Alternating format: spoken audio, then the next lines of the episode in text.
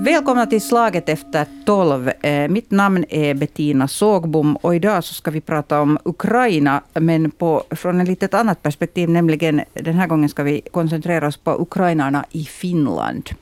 Och för att diskutera det här eh, ärendet idag så har jag med mig här Ira Hammerman. Välkommen. Tack ska du ha. Och det där varför just du är här, så det ska vi gå in på lite mer om en stund. Uh, sen har jag också med mig här i Helsingforsstudion uh, Ruslan Gunko. Hej, tack. Hej. Några korta ord om dig. Hur länge har du bott i Finland? Uh, nära 20 år, men jag bodde alltid i Ekenäs, så därför att jag pratar svenska. Ja. Och i, i studion i Jakobstad har vi också en ukrainare som talar svenska, nämligen Vlad Skurat.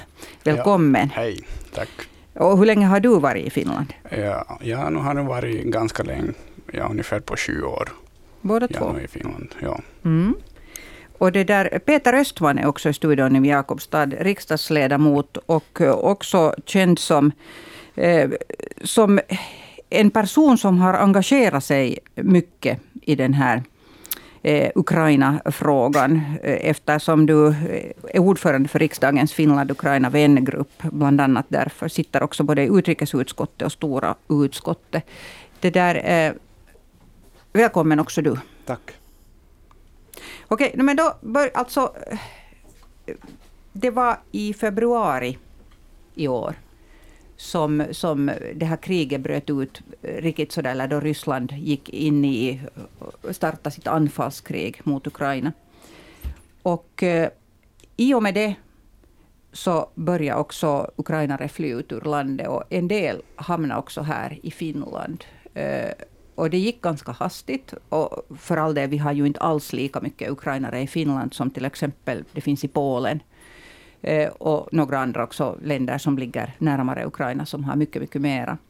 Men, men eh, jag vet att du, eh, Ryssland åtminstone, var en av dem som demonstrerade och, och, och, och aktiverade dig då i början. Kan du, kan du ta en tillbakablick och komma ihåg de här första veckorna efter det här anfallskriget det är, hårt, det är hårt därför att hela första månaden det var kanske kaos i mitt huvud. Men mm. Första dagen började på morgonen när man, min mamma ringde till mig. Självklart de hörde uh, ljud och, uh, och uh, i, i det första idén var kanske samma, uh, många ukrainare hade att gå tillbaka till Ukraina men det var bara emotioner, lite känslor om det. Men Första dagen jag kom till Helsingfors, ukrainare i Helsingfors uh, organiserade protest. Men uh, på väg tillbaka, jag hade diskussion med uh, min vän och han är han från Iran, men vi, vi jobbar tillsammans i Novia. Och han sa det, vi måste organisera protest, vi måste visa till människor i Ekenäs också som vi störa Ukraina. Som därför att eh, det var överraskning för mig. Första idén var uh, varför i Ekenäs? I Ekenäs alltid vi har kanske 50 människor kommer på protest, men det var överraskning för mig. Det var mer än 200 människor och efter det människor kom, kom till mig och, måste, och började fråga vad vi kan göra. Mm. Och efter, det, det var uh, bra för mig och min, min uh, fru därför att vi började att jobba, vi började att tänka vad vi kan göra och självklart vi kan prata om det nästa. Men mm, ja, mm. första veckan var uh, bara kaos i huvudet och vi, vi diskuterade vad vi kan göra. Och, ja. Mm. Eh, på det sättet blev också Ira Hammerman eh, ganska tidigt började engagera sig för det här. Så att, att nu, jag sa att vi ska återkomma till på vilket sätt, men, men alltså, hjälpbehovet var stort. Hjälpviljan var också jättestor, eller hur? Hjälpviljan mm. var stor och uh, hur jag kom in mm. i det hela. Det var så att, att um, Facebook spelar en ganska stor roll här. Um, min gamla klasskamrat skrev på Facebook att, att eh, det har öppnats ett hjälpcentrum till Kyrkslätt. Och ifall människor råkar ha lite extra kläder, skor, mm. eh, vad som helst egentligen som man behöver i sin vardag. så, så kan man gärna föra dit. Vilket jag då gjorde. Jag förde dit flera kassar med saker, kläder bland annat. Och, och, så frågade jag då arrangörerna där att, att eh, hur är det att finns det i Esbo någon motsvarande? Att jag, jag är ju själv Esbobo. Mm. Och då sa de att nej, tyvärr det finns inte något sånt här centrum i Esbo. Och jag blev jätteförvånad. Jag tänkte att Esbo är ändå Finlands näst största stad. Och, och det var ganska, um, en ganska stor överraskning att det inte fanns ett sånt centrum. Så gick det inte mer än kanske några dagar eh, så eh, råkade jag gå förbi eh, ett tomt eh, utrymme. Alltså det var en affärslokal i ett köpcentrum i mm. Finno. Och, och, det var tomt och jag råkade veta att det var Kesko som, som eh, ägde hela fastigheten. Så jag kontaktade Keskos fastighetsavdelning och frågade äh, ursäkta, äh, hur länge kommer det här att stå tomt? Och då fick jag svaret att, äh, och det här var då på våren, eh, att ända till första oktober. Och då blev jag ganska intresserad. Och så kontaktade jag eh, Kyrkslättscentret och sa att hej, att nu råkar det sig så att det finns ett väldigt fint utrymme eh, i Esbo, i Finno, på nästan 500 kvadrat. Eh, det är väldigt lätt att komma dit eh, med buss etc. Och, och, så fick jag namnet på en dam som hette Ritva-Lisa Luomaranta som också var engagerad och också tyckte, hon hade då varit eh, stadsfullmäktige och så vidare. Och hon tyckte att det skulle vara väldigt viktigt att Esbo skulle få ett sådant centrum. Så att hon och jag och sen en tredje person, Tatjana Pichulina, som har kommit till Finland eh, på 90-talet, mm. som en ung eh, tonårsflicka.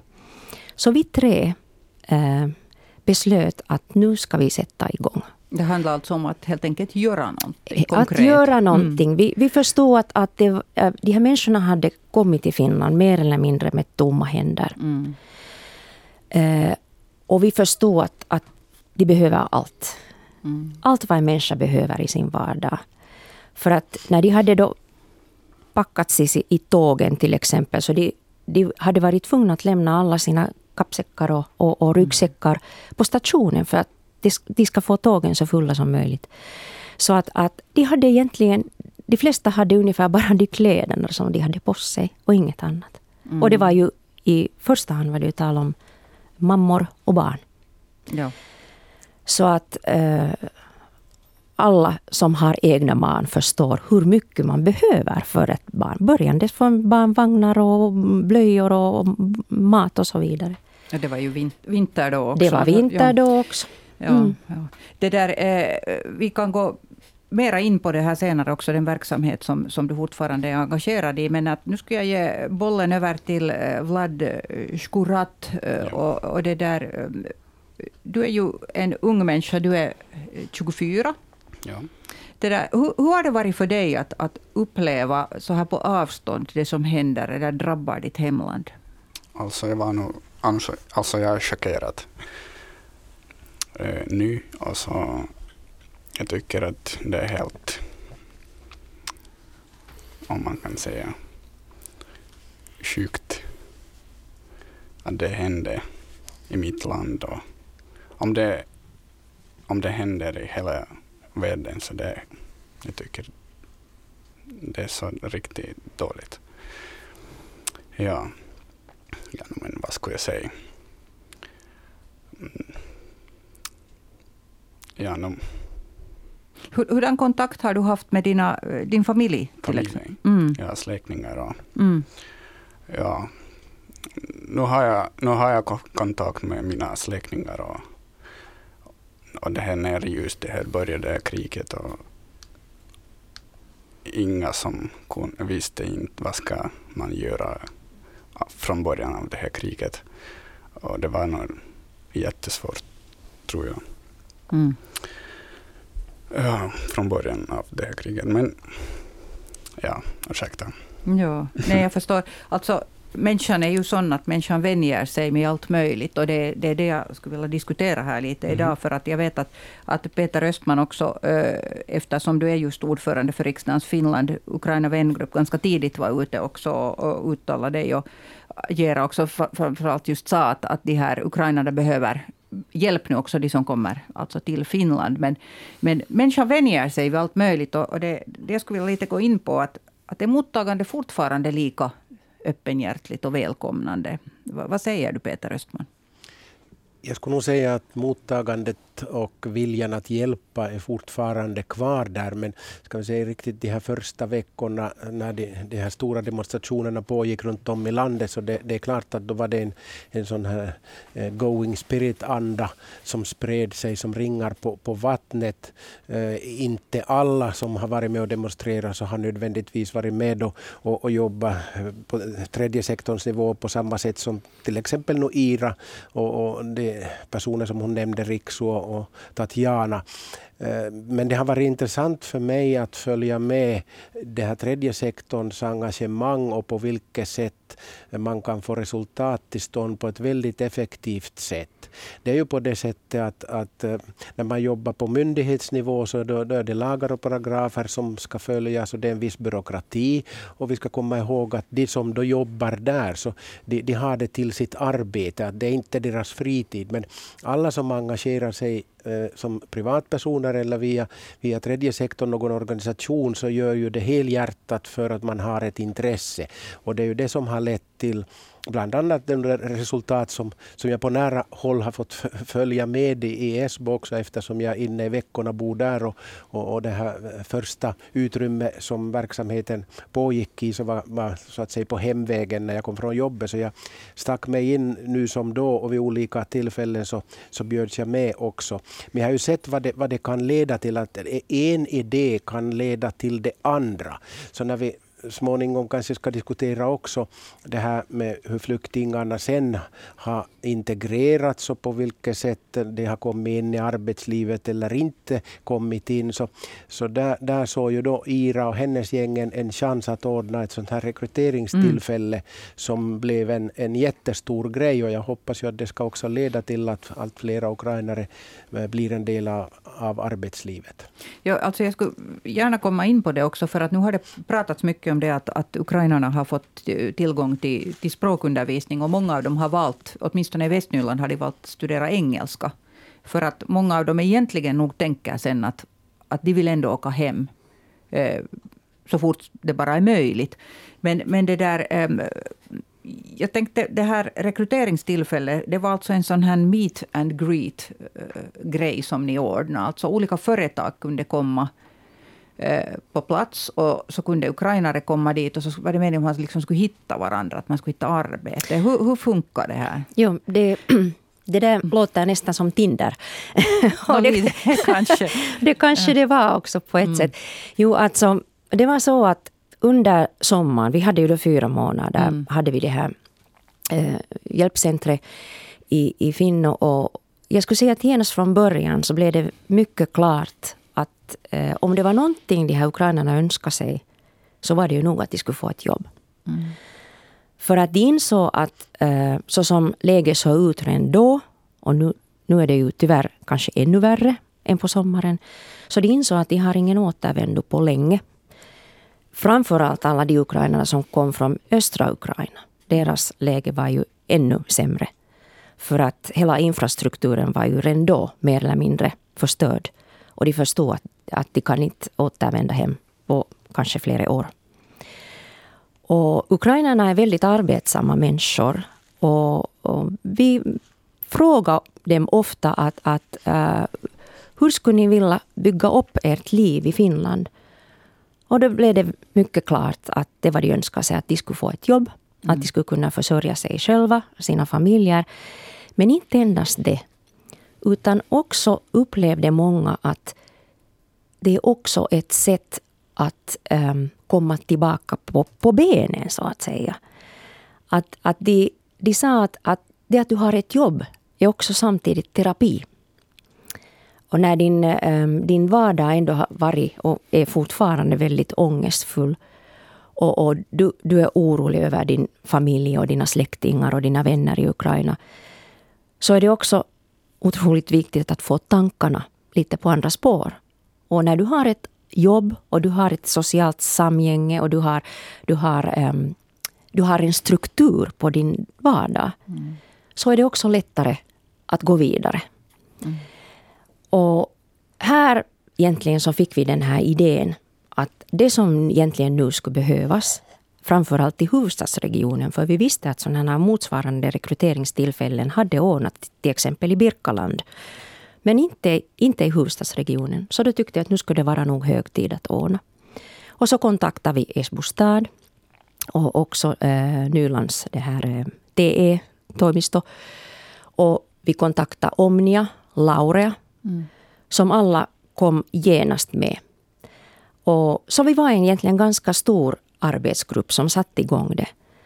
Och till vår stora förvånad så, så hade vi faktiskt 1300 ukrainare som kom till metroarenan den 25. För att hoppas ja. hitta någon som kunde ja, ge dem ett precis. arbete. Och ja. över, över 70, 70 arbetsgivare på plats. Mm, det, det låter ju bra.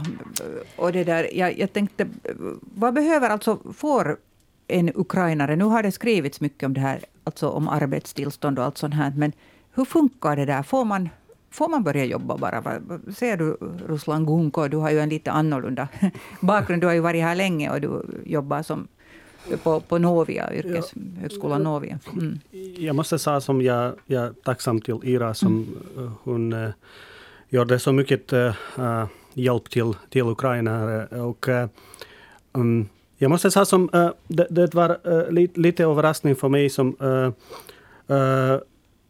och det var bra, från bra uh, sida överraskning som många människor när de kom här och de uh, nästan första frågan de frågade om, om jobb. Mm. Som, och det var också, jag, jag, har mitt exempel, jag kom här studera. Men när, när jag kom här, jag började att, att också söka jobb och jobba samma tid som studera. Och det är samma, många ukrainare, det är bra, uh, ni ta, pratade om det som många välja att studera engelska. Mm. Uh, och det var lite praktiskt också, inte bara på det uh, sätt som de uh, tänker att gå tillbaka. Jo, många av dem vill gå tillbaka, men tyvärr många människor, speciellt utanför Kiev eller Lviv eller Harkiv, de, de studerade engelska hemma mm. på, i skolan, men det var dåligt och de kunde inte prata. Och det är till exempel, det var min första hjälp uh, att hitta dem uh, var de liv och också uh, hjälpa med byråkrati. Jag, jag förstår det som i Finland, alla saker fungerar superbra, men uh, tyvärr ibland Finland behöver tid. Uh, jag förstår det som, vi, jag måste två, tre veckor eller månad uh, uh, jobba hårt och hjälpa dem. Och det var överraskning för mig Eh, också från bra eh, sida, från bra sätt som eh, många människor, många företag eh, i, i Raseborg-region, område, de började eh, att kontakta mig och fråga hur vi kan hjälpa. Och till exempel eh, Lärkula eh, språkskolan, hon, de organiserade ehm, eh, gratis eh, kurs på engelska därför att många människor vill att studera lite engelska och börja att jobba. Och jag kan se nu som eh, vi har nära 200 ukrainare i, i, i Raseborg-området och eh, många av dem jobbar nu. Mm. Och det är därför att de, de studerade lite engelska eller finska eller svenska.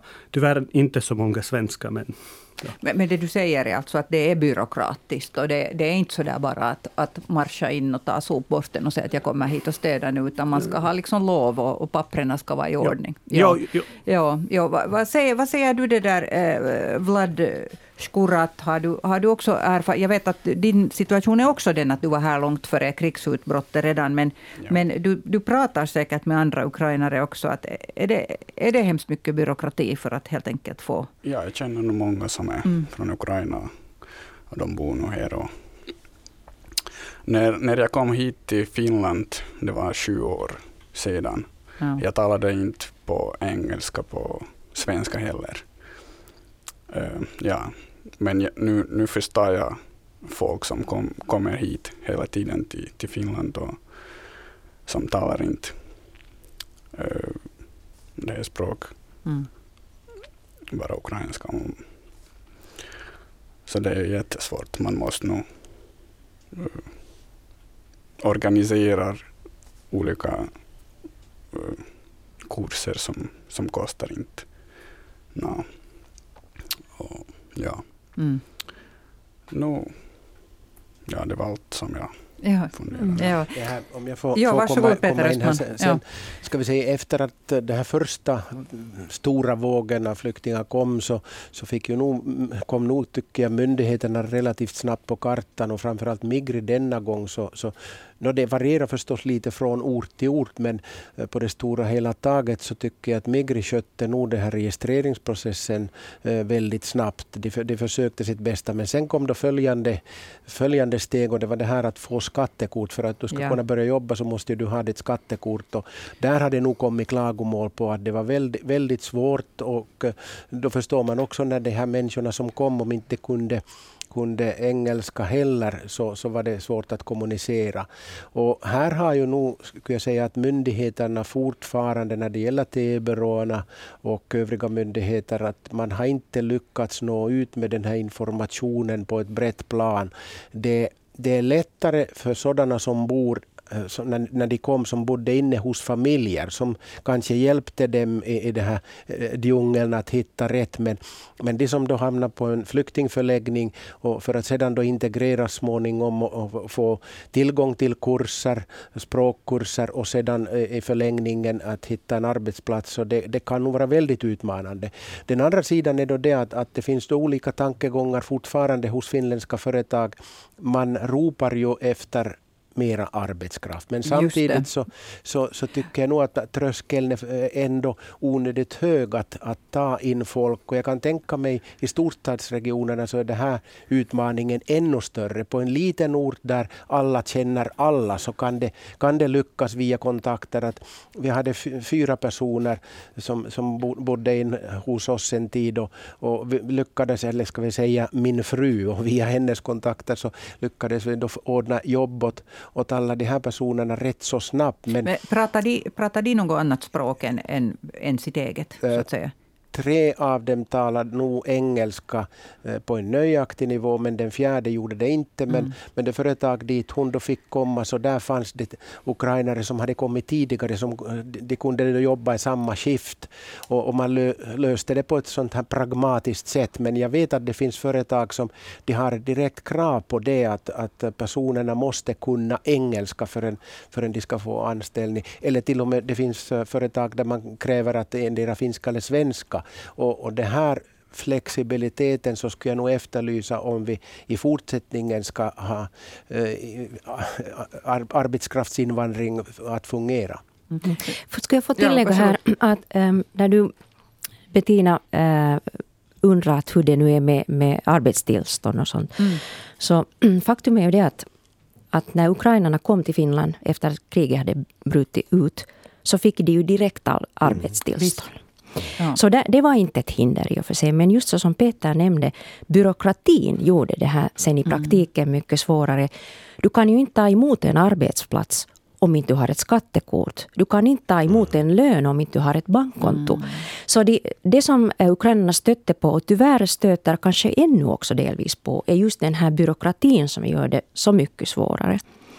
Och sen någonting som jag skulle gärna också tillägga här, det som kanske inte alla vet, är det att Eh, när de här människorna kommer till Finland så är de berättigade till en sån här mottagningspenning. Eller Exakt, det kanske det, det finns ja. ett, ett, kanske något annat namn för det. Mm.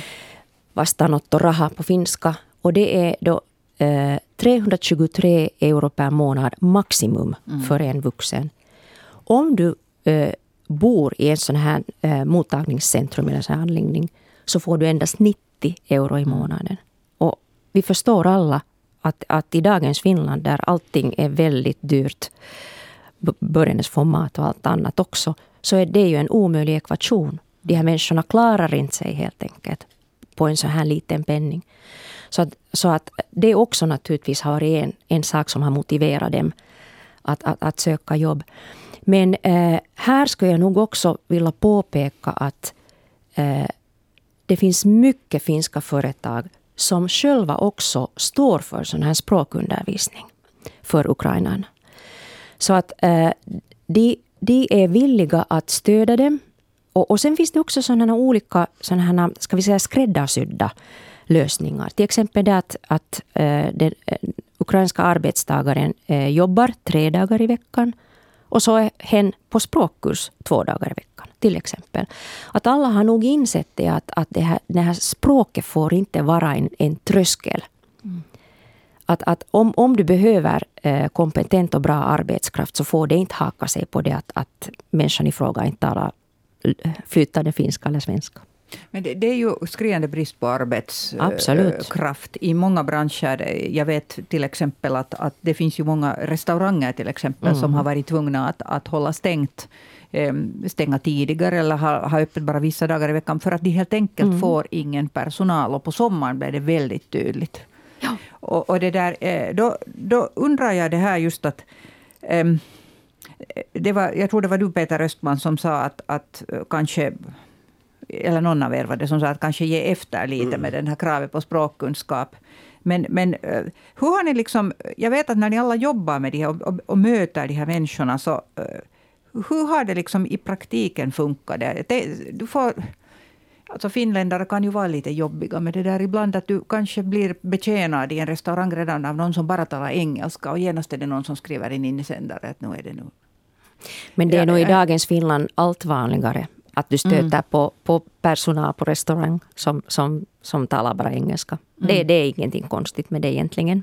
Vi, vi har också en exempel av uh, kvinna som uh, pratade inte engelska och uh, hon jobbade nu, självklart hon förstår mm. som basic mm. English, men uh, det var överraskning för mig därför att det, det var inte personal på restaurangen och, och hon hade det erfarenhet från Ukraina och de ville hjälpa henne Uh, och, uh, men också, vi, vi måste prata lite också med språk. Det är också, som uh, ni sa det tidigare, som i Finland vi har lite andra stil att jobba. Så det var också första frågan av människor var hur, hur jag kan hitta jobb. Men efter det jag också berättat till dem om arbetsstil i Finland. Mm. och det är viktigt som till exempel eh, som ni sa det tidigare om det skattkort och eh, bankkort och alla det byråkrati. Men eh, många av dem förstår inte varför de kunde inte jobba nu. Därför att i Ukraina, om man hittar jobb, du kan jobba mm. nu. Precis. Mm. Ja, ja, så. ja. Det, det, det jag faktiskt tänkte på, att, att det, det måste ju vara väldigt frustrerande. Och det finns i synnerhet om det finns... Vi, vi vet ju tidigare att det har kommit mycket ukrainare till Finland före det här kriget bröt ut. Och, till exempel på jordgubbsodlingar eller lantbruk överhuvudtaget. Det är mm. sånt som det ofta... Men då är det ju allt organiserat. Säsong, säsongarbete. Jo, organiserat så att de, de mm. kommer att någon hämtar dem till sin gård och sen så jobbar de där. Men, men för, ja, om varsågod jag får, Peter Östman. Om ja. jag får kommentera här. Mm. Jag, eh, jag pratade med eh, Iras, Iras kompanjon i det där teamet där nere, nere i Esbo och ville att hon skulle lite skriva ner sina tankar och, och vilka saker som har fungerat och som inte har fungerat. Och en sak som hon lyfte fram var just det här med de här olika kulturella skillnaderna som nu nämndes att i Ukraina om man får ett jobb så börjar man genast. Men mm. här så ska man då ha, ha genomgått vissa byråkratiska processer. Det som ukrainarna överlag har kanske haft lite svårt att förstå att de ska söka sig till en arbetskraftsbyrå eh, och de, de kanske inte heller känner till allt vad som erbjuds med språkkurser och eh, arbetskraftsskolning och, och lönestöd och, och så vidare eh, på grund av att de inte är van med det från sin egen kultur. Och det, det, I det här som de finska myndigheterna fortsättningsvis har att jobba, jobba med, att man, hur man får ut den här informationen och kommunicera det på ett förståeligt sätt. Eh, både till, till de här som eh, ukrainarna som har kommit men också till de närliggande organisationer som, som har hand om integreringen. Att man på ett effektivt sätt skulle få, få eh, det på ett lättfattligt sätt, att, så att folk förstår det. Vad säger du Vlad Skurat? Jag menar, du är så pass um ung ännu. Att, att du, du, du har säkert, jag kan tänka mig att du har kontakt med, med kanske unga ukrainare. Eh, hur har de reagerat på det här, just att, att det tar lite tid? Ja, om det, om det tar lite tid mm. av det här kriget, ja. Ja, nu många som vill jobba och de jobbar nu. Ja, ja nu kanske svårt att planera framtid för att man mm. vet inte hur det blir. Och, ja, nu vi hoppas det blir bara bra för Ukraina och, och det här. Ja. Men de är, trivs nog, nästan alla som är, har flyttat till Finland, jag har hört bara trevliga saker, att de trivs att bo här och, och ja, mm. jag tror att det men, men ändå så finns det bland de som trivs och tycker att de har blivit väl omhändertagna men ändå så finns det den här längtan tillbaka. Mm. Alltså det finns ju undersökningar som visar att en två tredjedelar så skulle gärna flytta hem imorgon ja. om det skulle vara möjligt. Mm. Eh, Tillika så, så, så hörde jag en nyhet här för en tid sedan eh, om den här mm, organisationen, det här Mieli så de berättade, det är alltså de står till tjänst med mentalvårdstjänster och, och, och, driver de här frågorna i samhället. Och de sa att de har fått en kraftig ökning alldeles de senaste månaderna, den här eh, hösten, av samtal av ukrainare som på riktigt nu är i kris, alltså mental kris. Mm. Och det, det, har ökat kraftigt. Är, är det här någonting som vi kunde egentligen borde ha kunnat förutse? Att, att när den där akuta situationen löser sig, så då har man tid att att rasa ihop kanske. Om jag får, ja, ja, jo, ja. Varsågod Ida. ja. Min magkänsla är den att det är just så som du säger. Mm. Eh, ska vi säga under de första månaderna, två, tre månaderna kanske, som, som de här ukrainarna är här. Mm. Eh, så de försöker börja ordna sitt liv, försöker få koll på sin vardag och lyckas ofta ganska bra med det. Och kommer liksom vidare, får på något sätt de här pusselbitarna ihop. Och sen när de märker att de har på något sätt etablerat sig, de har hittat sin plats här i vårt samhälle kanske, och de mest akuta äh, sakerna i deras vardag är liksom omhändertagna. Sen kommer den där kraschen. Mm. Äh, och där skulle jag just betona hur viktigt det är att de skulle få ett jobb. För att om de liksom om de sitter hemma och tittar ut från fönstret mm. så mår de ju inte bra av det. Och det sägs ju ofta att om man har bara tid så har man också bara tid att sörja. Mm. Så därför det här när jag sa tidigare att, att det att du har ett jobb så det är ofta också viktig terapi för ditt eget välmående. Så därför tycker jag just att det skulle vara så ytterst viktigt att stödja de här ukrainarna. Och, och jag, jag, vet att det finns en stark vilja. Jag, jag, jag, har sett det med mina e-, egna ögon, att hur starkt finländare har liksom levt med. Och hur stor eh, empati och sympati de har för de här människorna. Och det, jag menar, det är ju inte så länge sedan vi själva var i lite samma situation under vinterkriget. Mm.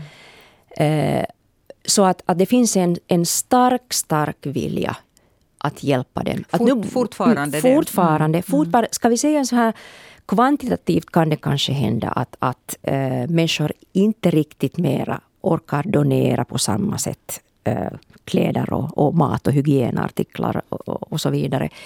Men den där viljan finns fortfarande. Eh, och, och det, det, jag känner väldigt starkt liksom på mig att, att så länge som det behövs så kommer nog finländarna att stå vid deras sida.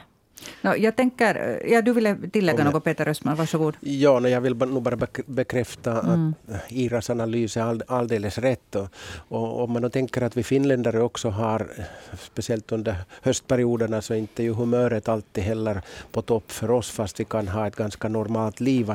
Lägg då till de där faktorerna att du tvingas att lämna ditt eget hemland som befinner sig i ett brutalt krigsläge och människor mördas. Man kan inte riktigt få, få in det i en vanlig människas hjärna att eh, någon kan göra sådana eh, galna krigsgärningar som där pågår. Eh, du flyttar till ett främmande land, kommer i en främmande kultur, du känner ingen, du har ingen att prata med och sitta där hemma. Det, det leder helt klart till att oberoende hur stark psyke man har så, så, så blir det problem med, med den mentala hälsan. Det det är just här i det läget som jag tycker att den tredje sektorn har, har gjort ett fantastiskt jobb, även om inte det räcker till.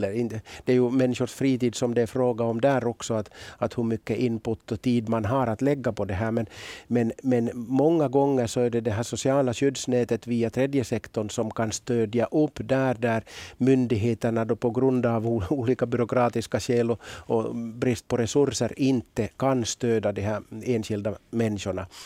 Mm. Eh, om jag kort tar en så här helikopterperspektiv hur, hur systemet fungerar så, så riksdag och, och regering fattar ju beslut om, om eh, humanitärt stöd eh, till, till Ukraina direkt och, och, dels också försvarsmaterial. Sedan på EU-nivå så gör man gemensamma stödpaket och, och, finansieringspaket. Sen när vi kommer ner på, på lokal nivå så har vi de här lokala myndigheterna. Det kan vara samkommunal integreringsbyråer eh, som sköter det. Men som jag sa, de människorna jobbar ju oftast då åtta till fyra. Men de här människorna som, eh, flyktingarna som har kommit så har ju en fritid också och de ska dela sina problem med någon. Och då är det bra om det finns en tredje sektor. Och det som det har lett till, åtminstone på de orter där det finns fungerande eh, Ukraina-vänföreningar, så har jag ju sett att ukrainarna själva också sinsemellan stöder varandra, hjälper varandra, ger råd. Så att eh, den här tredje sektorn har enorm betydelse. Mm. Ja, vi har inte så många minuter kvar här. Det går, tiden går jättefort. Men, men det, som, det som jag skulle ännu vilja ha rum för här, så det är det att, att om jag nu som normal, helt vanlig medelinkomsttagare så här själv skulle vilja hjälpa, förutom då att donera, hjälpa med, med det, sådana förnödenheter. Eh, det som jag kan göra är ju till exempel att låta någon bo hos mig. Och, och, det är helt liksom tillåtet i lagen. Det är ingen som säger att det här får du inte göra. Men, men om jag skulle vilja ha någon som äh, klättrar upp och rensar rännorna på taket. Och jag tycker att varför ska jag nu liksom... Äh, äh, varför, varför kan inte jag bara ha ge det här åt någon och säga att, att du får i handen så, så här mycket. Det, det är renast olagligt. Det skulle jag inte få göra. Eller hur Peter Östman, du kanske känner lagen bäst.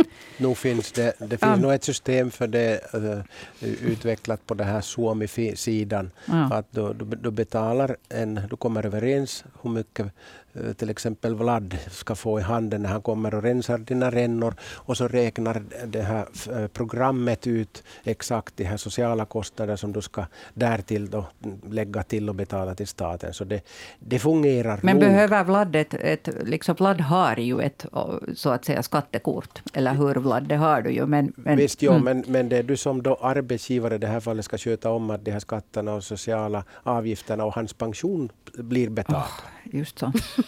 Ja. Men, vi, men, programmet räknar ut allting åt dig. Så ja. Det är mm. nog bara att anställa Vlad. Ja. Men, men sen tyvärr har jag lite dåliga nyheter här. För att mm. nu är det så att när då, okej okay, Vlad är ett dåligt exempel för att han har ju bott sju år här. Men om vi Vlad tänker, sitter och lyssnar, man får inte säga något själv här. men om vi säger fast att Ihor, mm. uh, som har kommit för tre månader sedan till mm. Finland.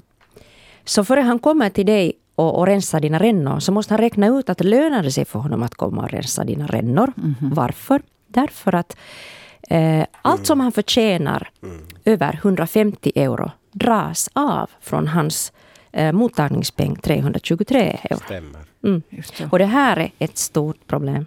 Mm. Och det här är ett, ett, problem på ett bredare plan. Det här berör ju mm. också finländarna. Visst, som... visst. Mm. Eh, Ruslan ja. Gunko vill säga ja, något. Ja, jag, jag vill uh, fortsätta det, den här teman. Det bara på det här sak som vi pratar nu om uh, stora städer, men till exempel Raseborg är en liten stad. Och, uh, uh, när man behöver att ha skattkort eller någonting byråkrati, man måste gå till Espo eller Vanda eller Helsingfors och på många, för många människor det är stor överraskning och också många äh, arbetsgivare förstår det inte det. Därför att uh, ukrainare uh, som kom här som flyktingar, så jag, jag, är säker så jag och Vlad, vi har ett banksystem mm. som koder och mm. men många ukrainare har inte möjlighet att, att gå in i system, till exempel mm. Somi.fi, mm. och kolla det eller göra är det, skattkort online. Mm. Och det är ett stort problem. Jag förstår inte varför de har inte det, det samma rätt. Därför att de, jag, jag förstår det på första, andra månaden, tredje månaden, men nu vi är åtta månader och uh, jag, jag är säker att det ska bli nästa också fyra, fem månader. Det, det, det, det där hör man ofta, att utan bankkoder i det här landet så är du faktiskt i strile. Att man, man mm. måste ha dem till allt, alla möjliga tjänster. Nu, nu tar på riktigt vår tid alldeles just strax slut, men jag skulle gärna ha frågat ännu här, eh, Vlad Skurat här på slutet, att, att eh, jag betonar nu igen att du är ännu en ung människa, men planerar du att, att flytta tillbaka till Ukraina? Uh, nej, jag planerar inte. Mm. Jag stannar nu här och Mm. Jag trivs nog och bor i, i Finland, i Jakobstad. Jag tycker att det är bra. Du är välkommen. Stället, ja. och vad säger, vad säger eh, Ruslan Gunko? Ska du, ja, planerar du att åka hem? Jag tänker, det är hela mitt liv är här nu. Mm. Och jobb och jag gör någonting som jag vill eh, hela livet. Och min fru är och hon är också från Ukraina. Och jag förstår det som jag är en äh, liten del av samhället, finska samhället, och jag förstår det som äh, jag vet nu hur system fungerar och jag alltid sa till äh, mina kollegor när de frågar om, till exempel när vi har barn, äh, vilket, äh, vill de ha, ska de bli finländare? Jag, jag sa det, jag alltid ska bli ukrainare här. Mm. Men mina barn kanske ska bli finska. Som jag är lite tacksam till Finland och finländare som jag är här. Och före kriget och nu Uh, självklart, jag, jag är supertacksam till Finland. Det får bli slutorden här i Slag efter tolv idag. Det var Ruslan Gunko som yttrade dem. Ira Hammerman deltog också, liksom Peter Östman uh, och uh, Vlad Skurat. Och eh, jag önskar er en god fortsättning på dagen och så hoppas vi att för bättre tider för Ukraina. Det tack. hoppas vi. Tack, tack så mycket. Tack, tack, tack,